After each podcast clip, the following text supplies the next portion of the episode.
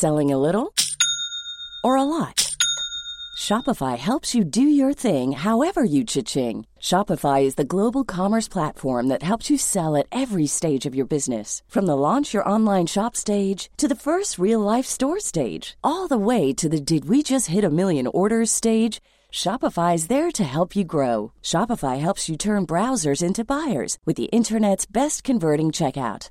36% better on average compared to other leading commerce platforms because businesses that grow grow with Shopify. Get a $1 per month trial period at shopify.com/work.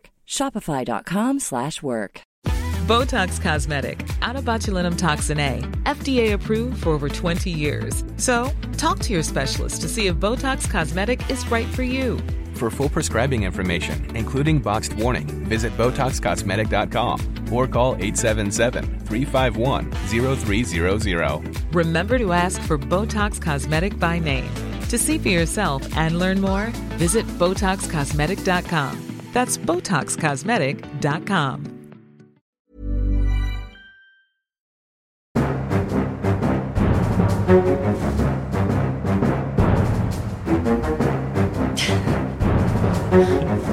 Ok, da setter vi i gang med en ny episode. Aftenpodden USA. Kristina Pletten har forflyttet seg fra Oslo til en øy utenfor Bergen. Er det riktig å si det? Det er riktig å si. Jeg er på Radøy, eh, min fars eh, hjemsted, på hytten vår, og prøver å skrive og konsentrere meg. Ja, på, på en slags sånn skriveretreat. Du sitter altså i en lusekofte. Det er flott sånn trepanel på veggen bak deg. Det ser sånn skikkelig koselig ut, og skikkelig bondsk og norsk ut. Det er veldig bondsk her, veldig fint. Jeg fyrer i peisen, går rundt i lusekofte og sjøstøvler og koser meg egentlig veldig med å være litt sånn langt vekke fra alt. Fungerer det for å skrive bok, altså, eller blir det bare kos og tassing, tassing rundt? Nei, det fungerer i hvert fall bedre enn å være hjemme på mange måter. Det har vært vanskelig å komme liksom dypt ned i konsentrasjonen. Det er faktisk vanskeligere å skrive en bok enn å skrive en artikkel. Det krever en annen form for konsentrasjon. Så det har hjulpet på å liksom være helt avsondret. Så har jeg ikke nett engang, og ikke har TV. Det har vært veldig fint, egentlig. Veldig, veldig bra. veldig bra. Jeg har også vært uh, uten nett siste, de siste dagene, egentlig. Jeg har vært på sånn fantastisk tur til Utah, Wyoming og Idaho, så jeg har fått også huket av noen nye stater. Jeg fikk også vært innom Montana litt, så da kan jeg sette opp den på lista. Uh, og ja. um, Men jeg, jeg, kan komme tilbake til det. Det, altså, det, er bare en helt fantastisk, fantastisk del av USA. Også veldig deilig å være uten mobildekning. Og det er ikke så vanskelig å finne steder i USA uten mobildekning. Det er langt vanskeligere i Norge. det, det, er lettere enn i, i, Norge, ja. ja. Nei, i dag skal vi snakke litt om uh, Donald Trumps solide valgsmell i, i, Georgia, og litt om disse primærvalgene som har vært de siste ukene. Eh, vi hadde jo ikke noe vanlig på det forrige uke. Vi hadde en, en veldig spennende samtale med, med Christian Aale, som mm. var eh, Aftenpostens Moskva-korrespondent. Men vi må nesten først snakke litt om, om skoleskyting eh, og masseskytinger, og bruke litt tid på det. Det har jo vært en god del i det siste, men den siste og egentlig mest rystende på lenge kom altså i Texas på tirsdag. Eh, og det var en masseskyting på en barneskole i Uvaldi, som de kaller det, denne, denne lille byen. Eh, og så er det sånn at dødstallene de endrer seg hele tiden. De blir jo da eh, justert opp, sånn som vi ofte ser. Og nå er vi da altså på 19 skolebarn som er blitt drept, og to voksne pluss eh, han skytteren, altså en 18-årig gutt som gikk inn på denne skolen mm. og skøyt disse, disse, barna. Og, og, denne skytingen kom altså en uke etter at eh, et, et supermarked i Buffalo her i New York, eh, der var det også skyting hvor ti personer ble drept. Eh, og det er jo sånne lignende hendelser som dette hele tiden, men denne skoleskytingen er jo da den nest største i USAs historie. Eller verste, da, får vi si. Ja. Det er nesten som man ikke har ord, altså. Det er, det er så grotesk, og det er så trist. Nitrist. Eh, og så vet man jo egentlig at dette kommer bare til å skje igjen og igjen. Mm. Og for 20 år siden, for 25 år siden, så var det en nyhetssak hvis det var fem, seks, syv mennesker som ble skutt i en masseskyting. Nå når ikke det opp i nyhetsbildet engang. Det skjer nesten hver uke. Ja. Dette er bare et av de aller mørkeste eh, kapitlene i, i amerikansk historie, og ingen ser ut til å ha noe plan for hvordan de kan komme seg ut av dette her heller, dette her hengemyren som de er i når det gjelder sånne masseskytinger. Det er bare helt forferdelig. Ja. Det kommer til å skje igjen. Det kommer til å bli nye skoleskytinger. Det kommer til å bli nye masseskytinger. Det har vært eh, 200 Det er litt ulike definisjoner av det, men, men én av disse databasene har telt, eller talt 200 masseskytinger til nå i eh, USA i år. I fjor var det nærmere 700. Og den historien om Uvaldi er en historie vi har sett så mange ganger. En 18-åring som går og kjøper seg to sånne såkalt assault weapons, eller angrepsvåpen, på 18-årsdagen sin. Um, skriver truende ting i sosiale medier. Så skyter han bestemoren sin da på denne dagen, før han drar på skolen da og angriper og skyter disse barna. Og så vet vi ikke så mye om motivet og sånn ennå, men, men, det er bare et mønster. Alt dette har vi sett så mange ganger. Og USA går gjennom det samme ritualet igjen og igjen. Vi ser liksom sportstrenere er ute, Biden er ute med en hard tale, kongressmedlemmer holder sånn flammende innlegg. Dette, dette er noe de gjør med jevne mellomrom i USA, uten at det egentlig kommer til å skje noe eh, konkret med vår våpenlover eller noen ting, eller hva tenker du? Nei, eh, jeg tror det er helt usannsynlig at eh, det kommer til å skje noe som helst med våpenlover. I hvert fall ikke i form av å stramme de inn. Eh, du så republikanske politikere som Ted Cruz, eh, som også er fra Texas, som var ute nesten med en gang og liksom ga sin støtte til Second Amendment, til til at alle skal få lov å bære våpen. Så det er blitt også en del av den, dette mønsteret at republikanerne, så, så, snart noe sånt skjer, straks er ute og sier at de fortsatt har full støtte til eh, retten til å bære våpen, eller hva man skal kalle det. da. Eh, en annen ting som er påfallende, og som er litt sånn nytt og, og blir verre og verre etter hver masseskyting, det er at spekulasjoner i sosiale medier om skyteren Eh, eller eh, våpenmannen, det tar av nesten med en gang, nesten umiddelbart. Og da er det ofte sånn at på venstresiden så sier man dette er sikkert en høyreekstremist, dette er en som er motivert av sånn og sånn og sånn, og så kommer de fra andre leiren og sier det motsatte. Og så er det masse spekulasjoner rundt eh, hva som motiverte personen, og hvem den egentlig var, og i tillegg da en hel masse feilinformasjon, ofte eh, feile mennesker som blir identifisert, og det mm. spres rundt. Eh, det skjedde også denne gangen. Så det er liksom eh, Etterspillet har på en måte blitt mye styggere. Og også mer eh, sånn opprivende enn det var før. Da kunne man i hvert fall samle seg om den tanken om at dette her var forferdelig, men nå kan man ikke det engang. Nei.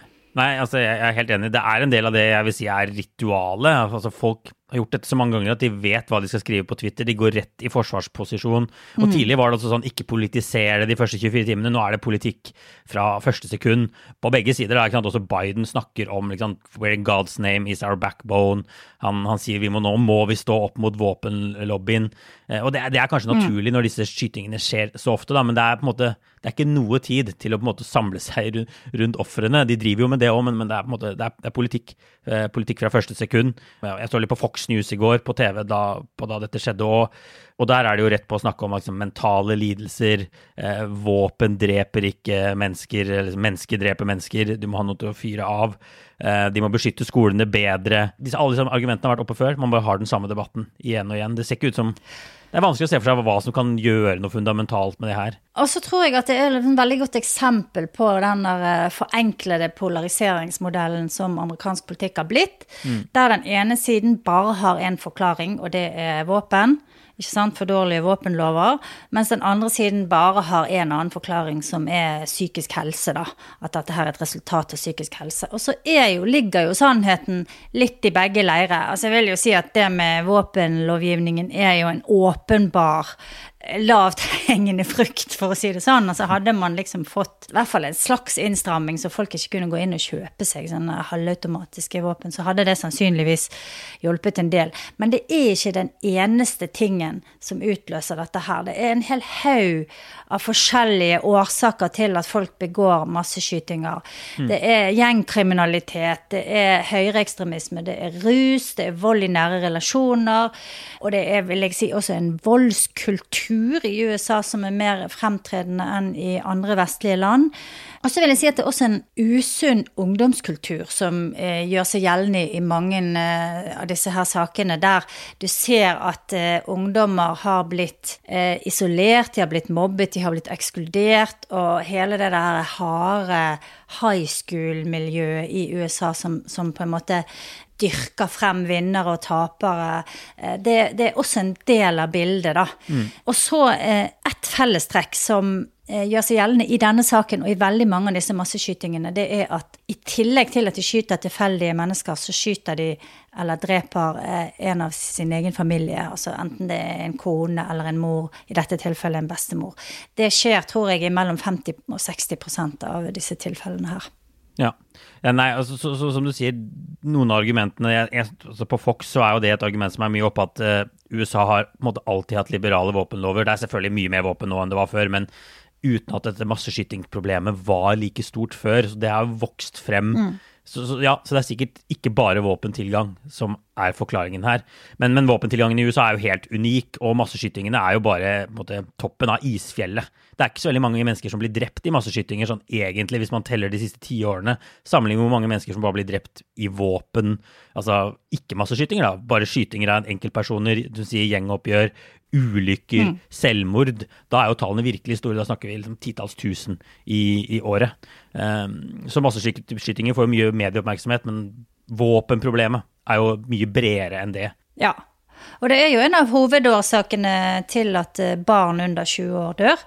Eh, er nettopp eh, skytevåpen. Det er jo trafikkulykker som er de vanligste årsakene. Og der har amerikanske barn en helt unik grad av utsatthet da, for mm. fare eller risiko i forhold til det eh, barn i andre vestlige rike land har. Det er altså utrolig mange ganger farligere å vokse opp i det amerikanske samfunnet enn det er f.eks. i Norge, Sverige og andre europeiske land. Eh, og det tror jeg er, noe som amerikanerne har litt problemer med å ta inn over seg. De griper ofte etter andre sånne forklaringsmodeller. Men eh, det var annet en, eh, en forsker som så på utviklingen av sikkerhet for barn siden 60-tallet og frem til i dag for et par år siden, og konkluderte med at dersom USA hadde fulgt samme utvikling som Europa når det mm. gjelder å sette fokus på sikkerhet, så kunne 600 000 barneliv vært spart. Altså i løpet av disse her 50 årene, da. Og det er jo ekstremt mye.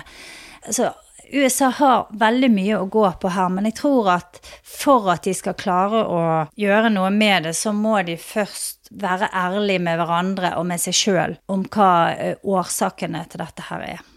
Så vi får, vi får, bare runde av, men, men som sagt, verken du eller jeg tror det, det kommer til å liksom føre til noen politiske endringer. Eh, det er fortsatt sånn at eh, demokratene, hvis de skal få gjennomført noen store endringer, innstramminger av våpenlovene, må ha med seg ti republikanere i Senatet da, for å komme seg forbi denne filibuster-regelen som vi har snakket om flere ganger. Så det er en veldig lang vei dit. Ingenting tyder på at vi kommer til å få noe substansielt eh, der. Snarere tvert imot så er det en høyesterettsdommer som, som kommer til å komme eh, antageligvis om noen uker, som kanskje kan komme til å liberalisere reglene i stater som New York, som har mer strenge lover enn andre steder. Så hvis jeg skulle gjette, da, i løpet av de neste månedene så vil USA få mer liberale våpenregler enn strengere våpenregler. I hvert fall på kort sikt. Ja. Og jeg tenker jo, hvis jeg bare kan få si en liten avsluttende replikk om dette, så tenker jo jeg at dette her etter hvert utvikler seg til et slags nasjonalt traume eh, for amerikanerne, der veldig mange mennesker rett og slett går rundt og er redd for at de sjøl eller ikke minst barna deres skal bli utsatt for eh, en sånn hendelse på skolen eller på kjøpesenteret mm. eller et annet sted i offentligheten. Og det å skulle gå rundt og ha den angsten da for sine medmennesker, rett og slett, det må jo være forferdelig ødeleggende for et samfunn. Ja. Eh, dette er noe vi kommer til å komme tilbake til, det er jeg helt, eh, helt sikker på. Men du, la oss snakke litt om, eh, om primærvalg eh, og primærvalgsvåren 2022, som jo vi har sagt før er en test på Donald Trumps makt i partiet, og hvorvidt han vil ha en evne til å komme tilbake som presidentkandidat i, i 2024. Og For noen uker siden så snakket vi om på måte, starten på denne primærvalgsesongen, som jo mm. gikk kjempebra for Trump i Ohio. Der fikk han en pangstart. Der var det et stort og uoversiktlig felt med republikanere som alle ville på en måte bli eh, republikanernes senatskandidat. Så gikk Trump inn og pekte på en eh, forfatter som heter JD Vance, og så gikk han da seirende ut etter at Trump hadde gjort det. Så det viste jo at Trump fortsatt har har en evne til å gå inn og, og avgjøre valg, eh, og at han har vesentlig makt over republikanske velgere. Det var i hvert fall det vi konkluderte med da. Og så har det lugget litt mer for Trump siden. Det har vært primærvalg i en hel haug med, med, stater, og nå da på tirsdag denne uka så var det primærvalg i Georgia. Og dette er et valg jeg, du og Trump og egentlig hele USA har gått og ventet på. Det har liksom vært et skikkelig sånn avgjørende slag i på en måte delvis det republikanske partiets sjel. Trump har vært besatt av Georgia siden valget i 2020. Han har snakket veldig mye om denne delstaten. Eh, han har brukt veldig mye penger, en god del penger, i, i denne delstaten. Uh, Georgia jo, har jo vært en republikansk stat, og det er fortsatt sånn at uh, guvernøren i Georgia, viseguvernøren, administrasjonsministeren, justisministeren Hele lederskapet består av republikanere fra før av. Men Trumps ønske da, etter valget i 2020 var å gå inn og bytte ut alle disse sittende republikanerne fordi de ikke hadde gjort nok for å gi ham valgseieren i 2020. For som vi husker, så var det sånn at Joe Biden vant knapp, knapp seier i Georgia med 12 000 stemmer eller noe sånt, var det til slutt. Mm. Så det er på en måte bakteppet da, før dette interne bitre oppgjøret denne våren. Ja, og Trump var jo ekstrem i å presse disse her eh, politikerne, delstatspolitikerne i Georgia etter valget for å få de til å, som han sa, kan dere finne Finne 12 000 stemmer. Ja, 12 000 stemmer. Ja, ja, ehm, det var jo en, eh, en, en sånn miniskandale når den uh, telefonsamtalen ble lekket. Uh, og en av de som gikk sterkest ut mot Trump, var jo Brad Raffensperger, som er uh, Secretary of State i Georgia han holdt en pressekonferanse der han sa at dette her må ta slutt. At uh, det var ansatte ved hans kontor som ble hundset og, og truet på livet, ikke sant, pga. det Trump sa. Og han var jo en av de som Trump virkelig har hatt et ønske om å få vekk, da. Uh, men som uh, seilte gjennom ganske enkelt nå i primærvalget og ser ut til å beholde stillingen mm. sin. Ja, man kan egentlig si at Trump har hatt en slags svarteliste, og han har gått ut og da mm. rekruttert egne kandidater for å bytte ut de sittende republikanerne ja. med folk som er mye mer tro mot Trump. Eh, og så var det guvernørvalget som kanskje fikk aller mest oppmerksomhet. Eh, Georgias sittende guvernør Brian Kemp, han er liksom absolutt ikke en liberal eh, republikaner. Han er ikke en moderat republikaner engang. Han er sånn kjempebred sørstatsaksent. Han har strammet inn stemmerettsloven, han vil ha streng abortlov, han vil ha liberal eh, våpenlov han oppfyller egentlig veldig mange av kravene som republikanere setter da, til sine, sine, politikere. Men Trump kaller han sant, en værhane. Trump kalte han feiging, en komplett katastrofe da jeg var på sånt valgmøte tidligere i år. Fordi han mener, Trump mener at Brian Kemp ikke gjorde nok da for å gi han seieren tilbake i, i 2020. Så Trump fant sin egen mann, eh, tidligere senator David Perdue, som han heller ville at skulle bli guvernør i Georgia.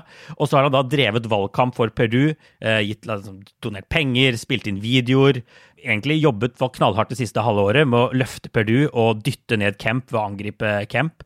Men så viser det seg, og da jeg var jo bl.a. på tur her i, i, mars, at mange av velgerne i Georgia, særlig republikanerne, liker jo Kemp. De syns han har levert. Han uh, gjenåpnet staten tidlig etter covid. Mm. Og som vi sa, liksom, mm, vil stramme inn abortloven, vil gjøre det lettere å bære våpen. Alle disse tingene her.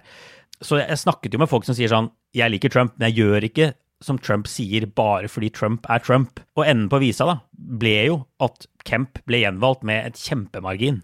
Altså Trumps kandidat, David Perdue, tapte så det sang. Han fikk bare 22% av stemmene i dette primærvalget da, på tirsdag, mm. mens, mens, Kemp fikk 74% som jo var mye, mye større seiersmargin til Kemp enn det meningsmålingen hadde vist. Og medier fra Fox til CNN på en måte kaller dette et sviende og bittert nederlag for Trump. En skikkelig nesestyver. Ja, det var det jo. Og det, og det, forteller jo også noe om hva som liksom tegner seg i dette landskapet etter uh, Trump. Hvordan maga-verden begynner å liksom splittes opp i flere fraksjoner, nærmest. Brian Kemp, som var en Trump-alliert, uh, fikk jo nå f.eks. støtte av uh, George W. Bush, fra Tex, tidligere president fra Texas, som og Bush og andre som han da ser kanskje en mulighet her til å å slå en, en kile inn i denne her massive maktmastodonten som Trump har bygget. Og det kan godt hende at Brian Kemp er en sånn type som kan seile opp etter hvert som en mulig presidentkandidat, f.eks. Hvis han gjør det bra, slår Stacey Abrams, demokraten, i november og fortsetter i guvernør guvernørsetet, da. For jeg tror jo at republikanerne ser at det å ha sterke guvernører i sånne delstater som Georgia, som, som er, blir virkeligere og virkeligere, viktigere og viktigere, eh, det er helt sentralt for at partiet skal klare å vippe Biden av pinnen eh, i 2024. Så jeg tror vi skal se opp for Kemp også i den sammenhengen. Ja, og, og men det er nesten litt oppsiktsvekkende hvor lav oppslutning Purdue fikk, altså 22% Dette er velgerne i Georgia mm. virkelig virkelig har valgt å bare ignorere alt Trump har kjempet for i den delstaten. Altså, det er ikke 22% av velgerne i Georgia, det er 22% av republikanske primærvalgsvelgere som hører på Trump og gjør som han sier. Og som du sier, ja. Brad Raffensperger, som jo er enda større grad enn Kemp har vært liksom, bildet på motstanden mot Trumps forsøk på å, å, å tuske til seg valgseieren i 2020. Han vant, uh, fikk 51-52% av stemmene, vant ganske klart han også. Det er enda mer oppsiktsvekkende, se enn det folk skriver, at Braffensburger klarte seg såpass enkelt. Og justisministeren også uh, vant en knusende seier mot, mot uh, Trumps uh, kandidat. Så i alle disse tilfellene så bare ignorerte de på en måte Trumps innspill da, og forsøk på å få inn sine egne kandidater. Og, og som du sier, du, det, vi ser at denne Trump-verdenen splittes litt opp. Én ting er liksom Bush går inn ja. og støtter Kemp, men også Mike Pence drev valgkamp med Kemp på mandag denne mm. uken. Altså Trumps tidligere visepresident går ut mot Trump i liksom en direkte konfrontasjon på den måten. Pence er fortsatt ganske forsiktig med å kritisere Trump, men det er interessant å se igjen hvordan dette splittes opp, da, hvordan man klarer å liksom stikke litt hull i, i Trumps makt, uh, maktbase. Ja, og det sitter jo masse Eh, gamle republikanere rundt omkring i USA og bare venter på eh, at det skal seile opp en eh, kandidat eller en politiker som de kan støtte, som kan på en måte endelig stikke hull på den der Trump-byll, da. Så nå er Det var litt ekkelt uttrykk. Men nå, er, mm, nå ser det ut som Brian Camp kan i hvert fall seile opp som en sånn anti-Trump som mange kan samle seg bak. Merkelig nok, for han er jo egentlig like trumpete som Trump. Ja, og, og, og, og Kemp er jo ikke sånn som kritiserer Trump direkte. Han, han, vel, han nevnte ikke Trump i seierstalen sin i det hele tatt. Han, han, står jo for en del av det samme tankegodset, er på en måte mer konservativ enn Trump på en del områder. Men han viste i hvert fall at det, altså, i hvert fall at det er mulig å, å, å vinne, selv om han har Trump imot seg, og selv om Trump har viet all sin kraft og oppmerksomhet mot å slå deg. Jeg så noen sa at liksom, hvis det var én kandidat Trump skulle ønsket å tapte denne våren, så var det nettopp Kemp. Og så er det i ja. Kemps tilfelle at Trump går på den største smellen selv. Eh, så det var interessant å se. Og Trump har gått på en del andre smeller òg. Han tapte lignende sånne dueller, guvernørvalgsdueller i Idaho og Nebraska, hvor de velger en annen kandidat, velgerne, enn en den Trump vil, eh, ta, vil ha. Så noen tolker dette som at i hvert fall en del av velgerne er klarte å komme seg litt videre. Eh, det er vanskelig å si hvor mye man skal lese ut av det her, men Trump klarte heller ikke å løfte eh, Madison Cawthorn over målstreken i, i, i North Carolina. Og Madison Cawthorn ja, Det skulle nå mye til. Ja, men, og Madison Cawthorn er jo en sånn um, en av disse rebellene. Kongressmann. Kongressmann ja. Eh, som, som, har vært veldig på Trumps side, men har vært involvert i helt utrolig mye skandaler. Forsøkt å ta våpen gjennom mm. sikkerhetskontrollen på flyplasser. Stadig tas seg å kjøre ja. for fort.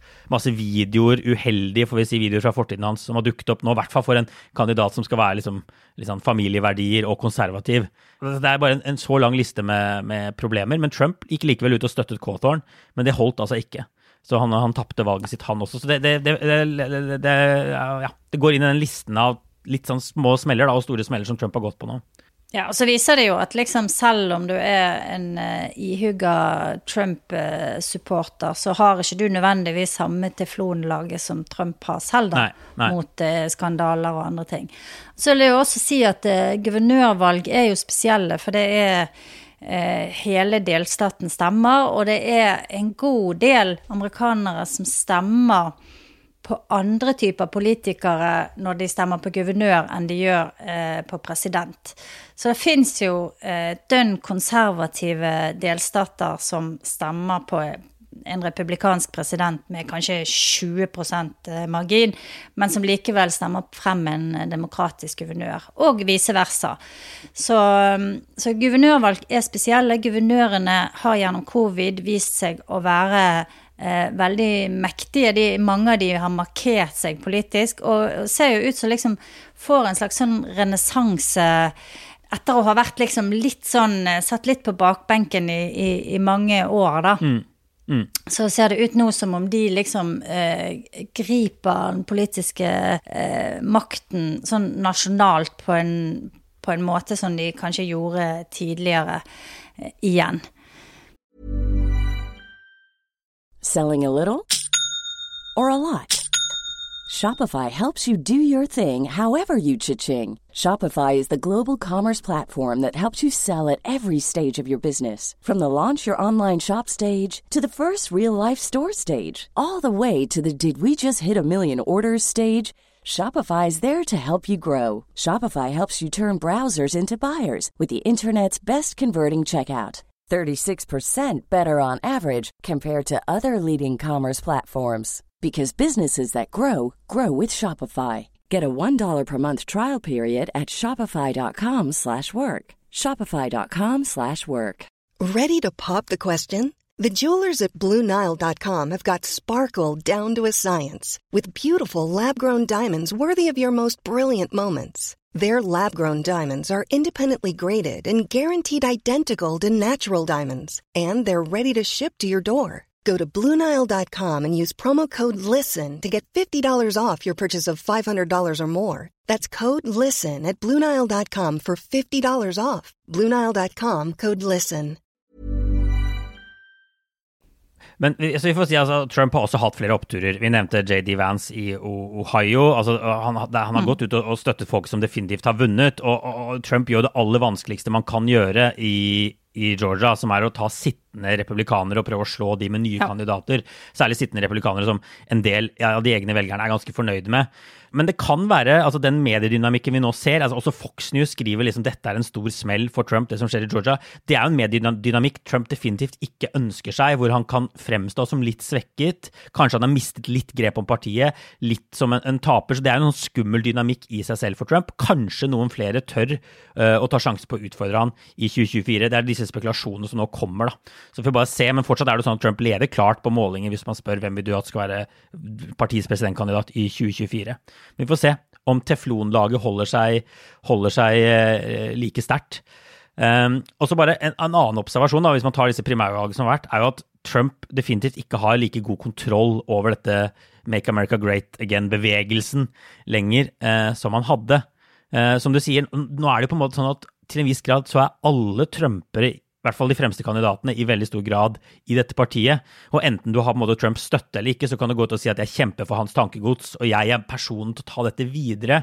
Så det gjør kanskje at Trumps støtte ikke har så mye å si lenger heller. Og vi ser noen som går mye lenger enn Trump, og så gjør det svært godt. Og som på en måte sier at jeg er den rene Trump-kandidaten i dette feltet. Så det er interessant å se at Trump kanskje mister litt kontrollen over denne bevegelsen sin. Eh, og for eksempel i Pennsylvania så har jo republikanerne der valgt en ganske sånn ekstrem guvernørkandidat, eh, som Trump da måtte gå ut og støtte. Han gikk ut og støtta noen dager før valget, da han så hvilken vei det gikk, som heter Doug Mastriano. Som har, han har jobbet kjempet for å gjøre om valgresultatet fra 2020 i mange år nå. Ja, Nei, men eh, det, det, er jo, som du sier, det virker som Trump liksom har mistet litt kontroll, eller det sprer seg, det vokser ut nye forgreininger av dette her eh, Trump-universet i alle retninger. Eh, og det kan jo også være at vi etter hvert får se at det politiske tankegodset endrer seg litt, da. ikke sant? At det der er jo en del av Trump-bevegelsen som f.eks.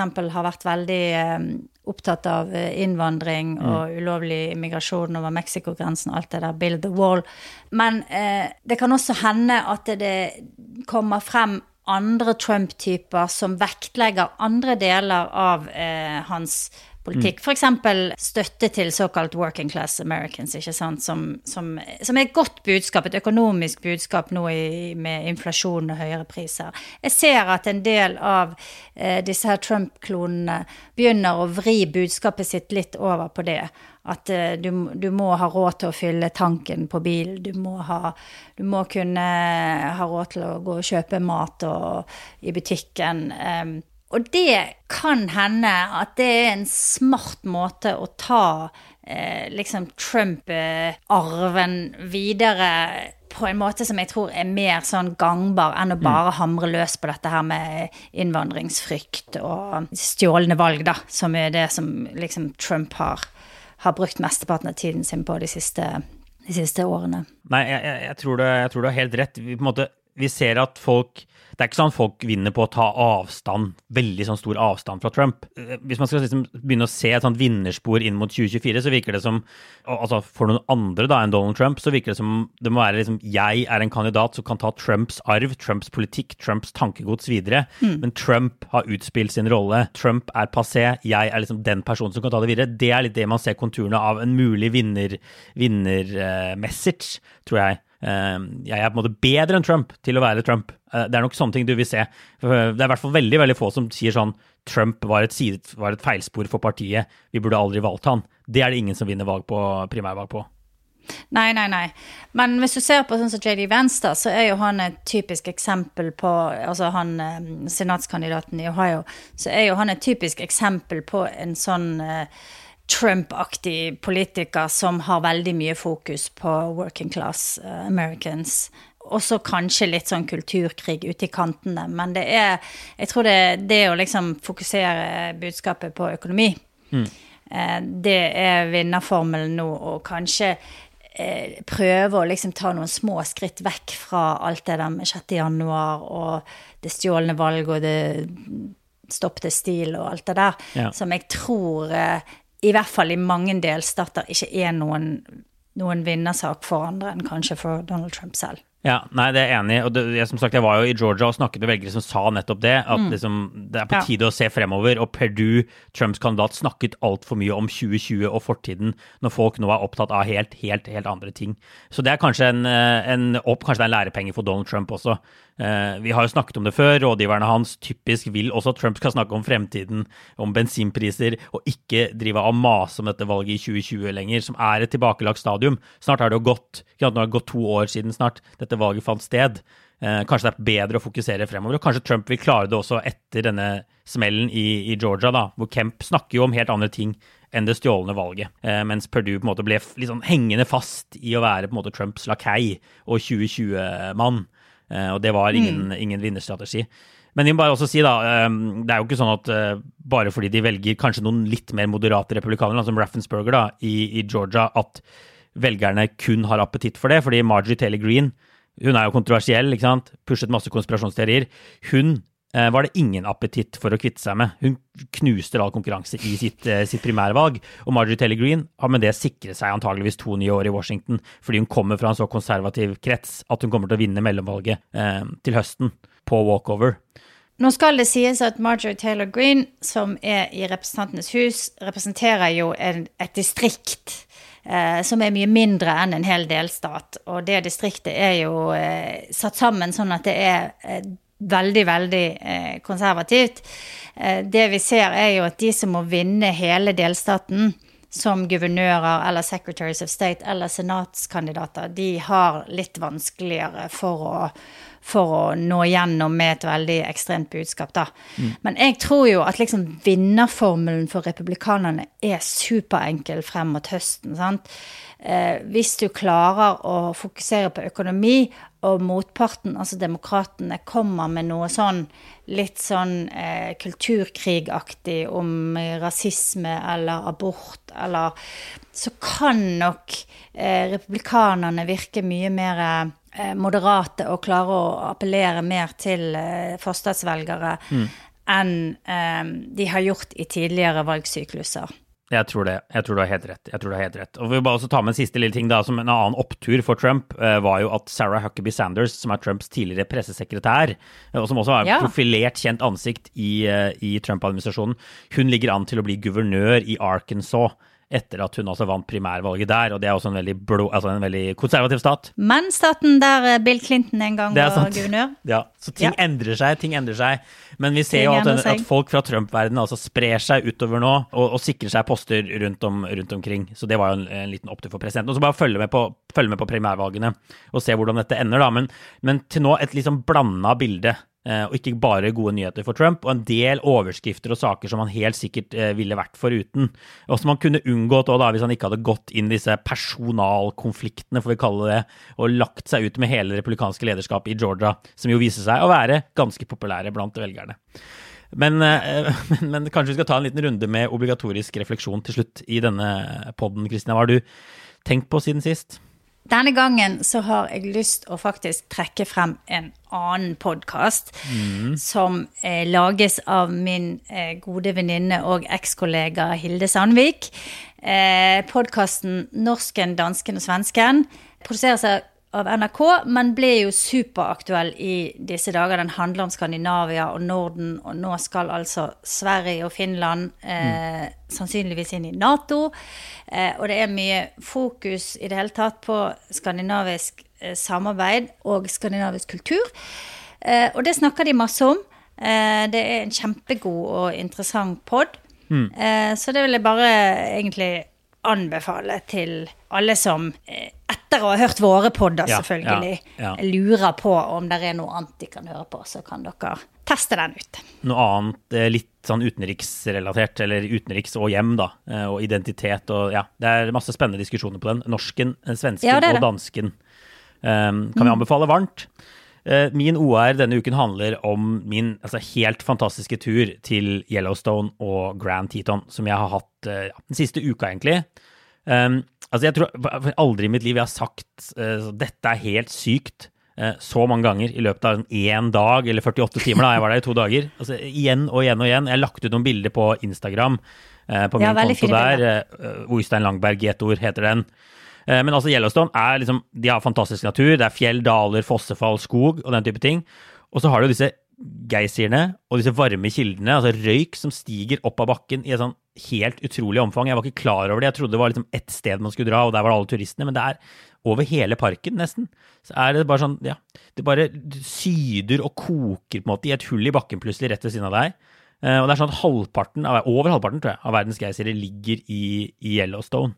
Og det er jo ekstra rart. Nå er det jo fortsatt eh, vinteren er på hell der, det er kuldegrader. Men å likevel se at det ryker på den måten, at det bare koker i tiår etter tiår, eh, det er bare sånn, ja, ekstremt rart. Eh, og så da, på toppen av det her, og bare, så er det jo også masse dyr. Dyreliv. Jeg så bjørn, ulv. Vi så en ulv i, i en av kikkertene våre. Oi. Vi så den ikke veldig godt. Og så så vi en sånn coyote og mus og elk, som jeg vil kalle elg og elg på norsk. Og, og en ørn. Og da helt sykt masse bison. Eh, men det var bare Er det forskjell på mus og elk? Ja, altså Elk Er er, noe mindre, dyr? og det er mulig at eh, den norske oversettelsen av disse tingene er, er litt annerledes. Men mus er disse helt enorme dyrene, disse virkelig store elgaktige sakene. Mens elk er da vesentlig mindre. Um, men ja, jeg, jeg, man kan bare anbefale en tur til Yellowstone ekstremt varmt, uh, rett og slett. Det må være kanskje altså den er nå, Det var USAs første nasjonalpark. Den er nå 150 år gammel i, i år. Uh, og de sier at disse nasjonalparkene er USAs greatest idea. De har mye dårlige ideer her borte. Vi har snakket om en del av de i dag. Men det er virkelig sant, altså. Og kanskje Yellowstone jeg, jeg, jeg, Nå har jeg greid å være innom ganske mange nasjonalparker. Jeg har tidligere snakket varmt om Arizona og Grand Canyon og Zion og disse.